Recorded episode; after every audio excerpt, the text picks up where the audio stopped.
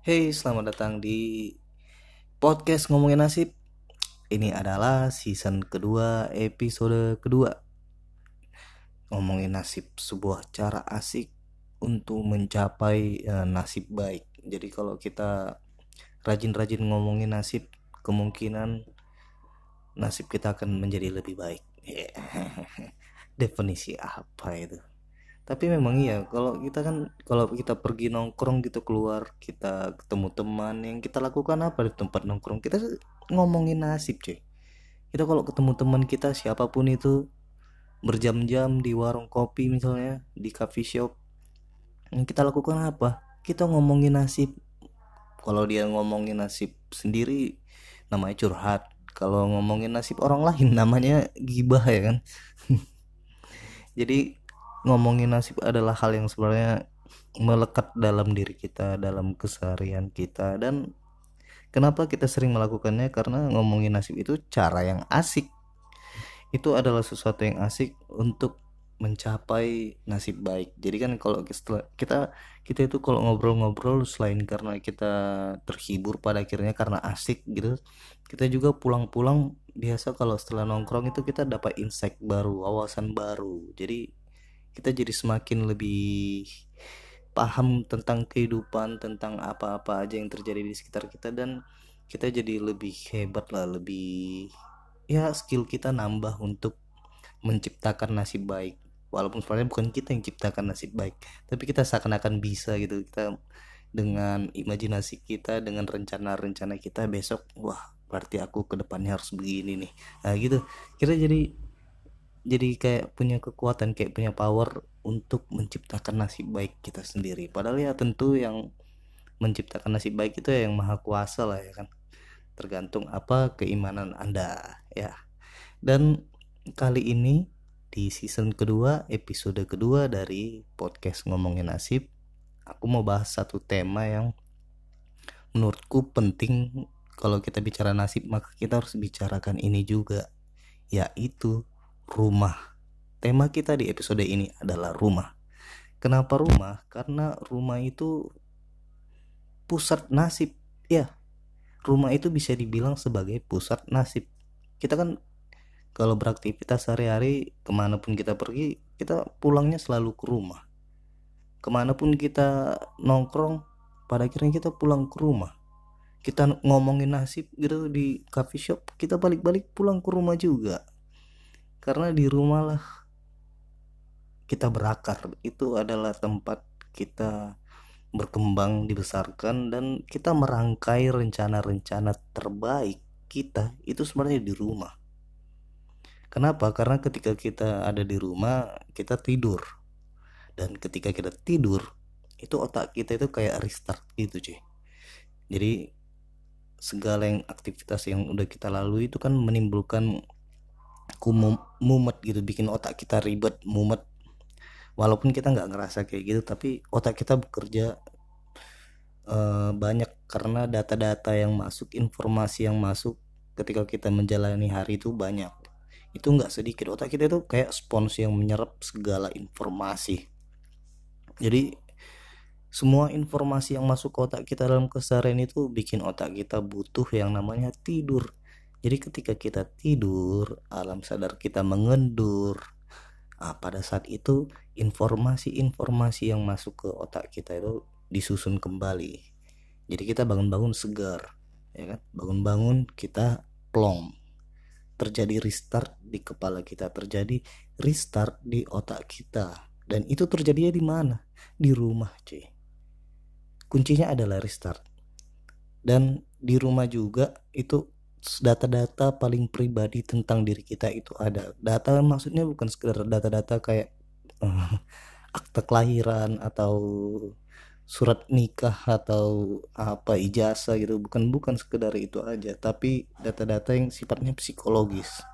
Di rumah kita ketemu sama keluarga. Di rumah kita diingatkan tentang seperti apa kita dibesarkan di situ di situ kenangan-kenangan yang kita jalani setiap hari itu adanya di rumah. Walaupun kita rumah baru misalnya tapi orang-orangnya kan orang-orang lama gitu. Jadi kenangan-kenangan kita kenangan-kenangan yang membentuk siapa diri kita itu tersimpannya di rumah.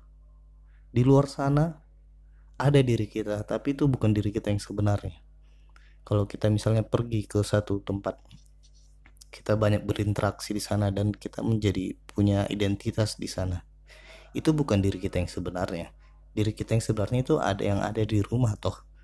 Yang ada ketika kita bertemu dengan keluarga kita ketika kita bertemu dengan barang-barang kesukaan kita yang kita simpan di kamar. Nah, di rumah itulah ada ada jati diri kita itu disimpan di rumah cuy itu peran penting rumah sebenarnya itu menyimpan jati diri kita. Makanya kalau kita mau membangun jati diri kita kita itu harus mulai dari membangunnya di rumah kita. Membangunnya di rumah kita. Atau kalau kamu pengen punya punya rumah baru berencana punya rumah baru maka jati diri itu dibangun lewat bangunan rumah kita. Maksudnya gini maksudnya gini jadi gini loh kalau orang udah agak berduit ya dia udah agak punya uang misalnya ya udah bisa nyewa orang untuk merancang rumah arsitek gitu. Nah orang yang agak berduit itu mementingkan arsitek rumah yang sesuai dengan kepribadiannya. Dia ingin rumah itu menajamkan jati dirinya. Dia ingin rumah itu terus-menerus mengingatkan dirinya tentang siapa dirinya, apa yang disenanginya, masa depan seperti apa yang ingin dicapainya gitu. Arsitektur rumah biasa berkutat dalam hal itu. Walaupun uh, dalam ilmu ilmu arsitek mungkin bukan seperti itu, tapi orang pemakai si pemakai orang yang menjadi klien dari si arsitek, orang yang memesan si arsitek tadi yang bayar itu orang yang agak berduit tadi itu. Dia tuh pasti ingin rumahnya memben uh, berperan sebagai pembentuk jati dirinya. Jati dirinya kan udah ada nih tapi perlu ditajamkan gitu kan. Nah dia ingin pasti arsitek arsitektur dari rumahnya itu membentuk jati dirinya. Dan sekarang kalau desain-desain arsitektur arsitektur rumah yang lagi ngetren gitu ya yang kalau kita lihat di TV-TV Senin harga naik katanya kan. Senin harga naik wis. Itu rumah-rumah yang ya untuk orang-orang dari kelas menengah ke atas. Biasa itu desain rumahnya itu minimalis. Lagi-lagi balik ke minimalisme. Karena kalau kamu ngikutin podcast ngomongin nasib dari season 1 itu ada berapa? 20 20-an episode. Di situ podcast ngomongin nasib itu banyak mengulas soal minimalisme. Lagi-lagi ternyata desain rumah yang mahal yang ditujukan untuk kelas menengah ke atas yang banyak diminati adalah desain rumah minimalis. Sebegitu sebegitu berartinya minimalisme ternyata. Apakah semua orang berkepribadian minimalis sehingga banyak yang meminati rumah minimalis. Enggak. Enggak. Tapi desain minimalis membantu orang untuk menemui jati dirinya. Nah itu dia sih kan semua orang punya jati diri yang berbeda-beda nih. Semua orang punya jati diri yang berbeda-beda. Dan agak sulit bagi si developer rumah si pengembang rumah untuk uh, mengidentifikasi itu semua satu persatu. Jadi di, di, dibuatlah desain rumah minimalis yang bisa diterima semua orang.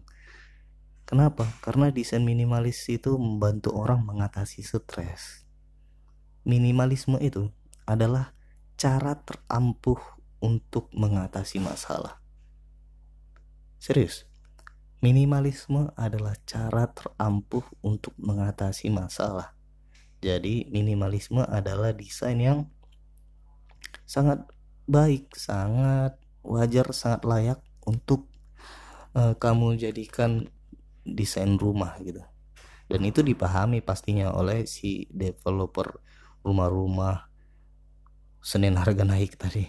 Rumah-rumah yang didesain untuk kelas menengah ke atas. dan desain rumah minimalis itu yang terutama membantu menajamkan kepribadian pemiliknya. Karena apa? Karena minimalisme salah satu fungsinya seperti itu. Dia membuat kita uh, tidak terlalu terikat dengan hal-hal yang gak esensial. Desain minimalisme itu. Jadi kita hanya terikat pada hal-hal yang esensi yang perlu-perlu aja. Nah dengan ketika seseorang ketemu rumah yang minimalis dia kalaupun harus menambahkan interior atau eksterior rumahnya dia itu hanya perlu menambahkan hal-hal yang sesuai dengan dirinya sendiri. Jadi setelah minimalisme itu sendiri membantu menajamkan kepribadian pemiliknya si pemilik juga bisa kembali menajamkan semakin menajamkan uh, jati dirinya di rumah itu dengan menambahkan interior maupun eksterior yang yang dia sukai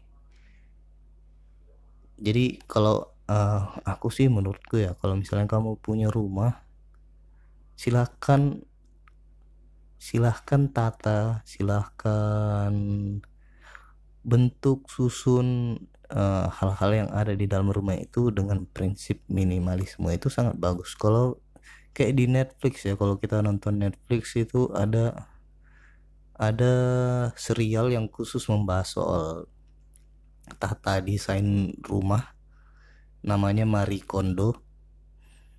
Marie Kondo nulisnya. Itu dia sangat sangat populer sangat sangat banyak penggemarnya di Amerika terutama. Dan dia itu menawarkan cara-cara untuk eh, mengatur rumah menata rumah lewat minimalisme. Sebegitu sebegitu besarnya interest orang terhadap uh, minimalisme itu tadi dalam hal menata desain rumah. Dan memang bagus gitu. Karena bagus lah makanya banyak yang interest. Dan walaupun begitu ya walaupun rumah itu kelihatannya heaven banget surga banget tapi rumah juga bisa dibilang sebenarnya pusat dari sejuta masalah. Banyak masalah yang ada di rumah kan mulai dari masalah keluarga, masalah keuangan itu semua biasanya berpusat di rumah. Makanya banyak juga orang yang memilih sering-sering keluar rumah karena di rumah ya yang ada masalah semua gitu. Ada aja orang yang kayak gitu kan. Atau rumah tangga yang hancur disebut apa? Broken broken home. Rumah yang rusak. Home ya, home bukan house. Jadi ini menarik ya dalam bahasa Inggris rumah itu ada dua. Satu itu home yang kedua adalah house. Yang home itu artinya rumah dalam pengertian esensi. Jadi rumah sebagai tempat bertemu dengan keluarga. Rumah rumah sebagai uh, set kebudayaan eh set kebudayaan. Pokoknya rumah itu sebagai wadah wadah antar manusia gitu wadah keluarga. Rumah dalam pengertian home tapi rumah dalam pengertian house. Itu adalah rumah sebagai bangunan belaka gitu. Yang aku bahas sebagai desain minimalis dari tadi itu masih rumah sebagai home, house ya. Tapi kalau kita bicara rumah sebagai home bisa dibilang rumah itu pusat sejuta masalah tapi kalaupun itu memang memang benar ya itu memang benar gitu kan. Ataupun kalaupun itu terjadi ketika misalnya masalah memuncak masalah uh, membuat kamu jadi nggak betah di rumah wajar gitu. Wajar ketika kamu merasa ah, ngapain sih di, di rumah ini selalu bikin stres? Ah rumah bikin aku depresi. Dan memang kalau kita di rumah-rumah terus ya memang depresi lah tapi bukan berarti kita harus mencari solusi di luar rumah cuy perlu keluar rumah perlu. Karena kalau kita hanya di rumah-rumah aja ya kita jadi kayak manusia di dalam gua Plato gitu. Kalau dalam filsafat ada istilah itu uh, gua Plato nantilah aku bahas. Jadi kalau kalau kita uh, punya masalah dalam rumah jangan bukan berarti kita itu mencari solusinya itu di luar rumah kenapa karena di luar rumah kita itu ada banyak interest-interest yang sebenarnya mempersulit kita untuk kembali. Maksudnya gini, misalnya kita ada masalah di rumah terus kita kabur. Yakinlah apa yang ada di luar itu itu nggak didesain untuk kita sendiri. Rumah rumah kita itu didesain untuk kita sendiri. Rumah sebagai home. Karena kita lahir dan dibesarkan di sana. Tapi kalau kita carinya di luar, ya rumah orang lain didesain untuk orang lain. Jadi kalau kita mencari solusinya di sana di rumah orang lain ya kemungkinan kita akan terombang ambing. Tidak ada kepastian di sana. Satu-satunya tempat yang pasti adalah ya rumah kita sendiri. Tapi balik lagi rumah bisa menjadi jebakan. Karena rumah bisa menjadi gua Plato apa sih gua Plato ini? Jadi di dalam filosofinya filosofi Yunani zaman dulu si Plato dia dia punya cerita ibarat gitu. Uh, dia mengibaratkan ada manusia gua. Manusia gua yang melihat bayangan-bayangan dari dunia di luar gua. Yang kelihatan di dalam gua karena uh, mereka kan dalam gua tuh mereka menyalakan api. Mereka menyalakan api dalam gua terus ada bayangan muncul dari cahaya api itu kan memunculkan bahaya bayangan-bayangan. Nah manusia gua versi Plato itu adalah orang-orang yang nggak pernah keluar dari gua dan hanya bisa mereka seperti apa eh, mereka realita berdasarkan bayangan yang muncul di dinding gua yang dia lihat jadi dia menilai sesuatu itu berdasarkan apa yang terlihat di dalam guanya aja. Padahal realita yang di luar sana belum tentu seperti apa yang dia lihat dari dalam guanya. Dan orang-orang yang kayak gini biasanya orang-orang yang ya karena apa namanya eh, orang-orang orang yang kuper kurang pergaulan akhirnya nggak tahu realita di dunia luar sana seperti apa. Atau orang-orang yang antisosial yang menilai dunia berdasarkan dunianya sendiri aja. Padahal uh, belum tentu benar gitu. Kita memang harus menemui realita di luar sana. Kita jangan terjebak di gua Plato kita sendiri karena itu akan men bisa menimbulkan uh, karakter bebal dalam diri kita. Dan kalau orang yang udah bebal itu sulit banget sih orang yang udah bebal itu waduh mau diajak maju juga susah ya kan. Kalau orang yang sudah bebal tapi selain rumah kita, semua tempat sebenarnya memiliki goa Platonya sendiri. Semua tempat memiliki goa Platonya sendiri. Maksudnya gini, rumah kita kan seperti yang kujelaskan bisa membentuk goa Plato dalam pengertian kita jadi uh, tidak tahu realita di luar sana. Akhirnya kita terjebak dalam apa-apa aja yang ada di rumah aja gitu. Tapi dan itu membentuk gua Plato. Nah hal serupa juga terjadi di tempat lain. Misalnya di satu kafe. Apa yang terjadi di kafe itu itulah yang membentuk gua Plato di kafe itu sendiri tadi.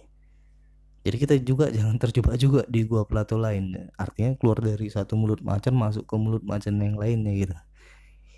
Intinya jangan jangan sampai kita pikiran kita terkungkung berdasarkan tempat di mana kita berada itu sih. Walaupun itu uh, rumah kita sendiri. Tapi di antara semua gua Plato yang ada di dunia ini gua Plato cafe gua Platonya uh, kampus gua Platonya uh, tempat ibadah gua Platonya uh, dung konser Gua Plato yang terbaik adalah rumah kita sendiri. Karena di situlah tempat kita berakar. Di situlah tempat kita dibesarkan. Mencintai rumah sendiri itu menjadi jawaban jadinya pada akhirnya. Karena kayak lagu God Bless itu cuy. Rumah kita ya kan. Hanya alang-alang tempat tinggal kita, tapi itu rumah kita. Cuy. Ya kalau bisa kita jangan sampai pikiran kita terjebak pada tempat di mana kita ya di situ itu aja gitu. Tapi kalau kalaupun harus terjebak terjebaklah ketika kita paling harus memilih pilihlah kebenaran yang muncul di rumah kita sendiri. Karena di situlah tempat kita berakar. Sekian podcast ngomongin nasib kali ini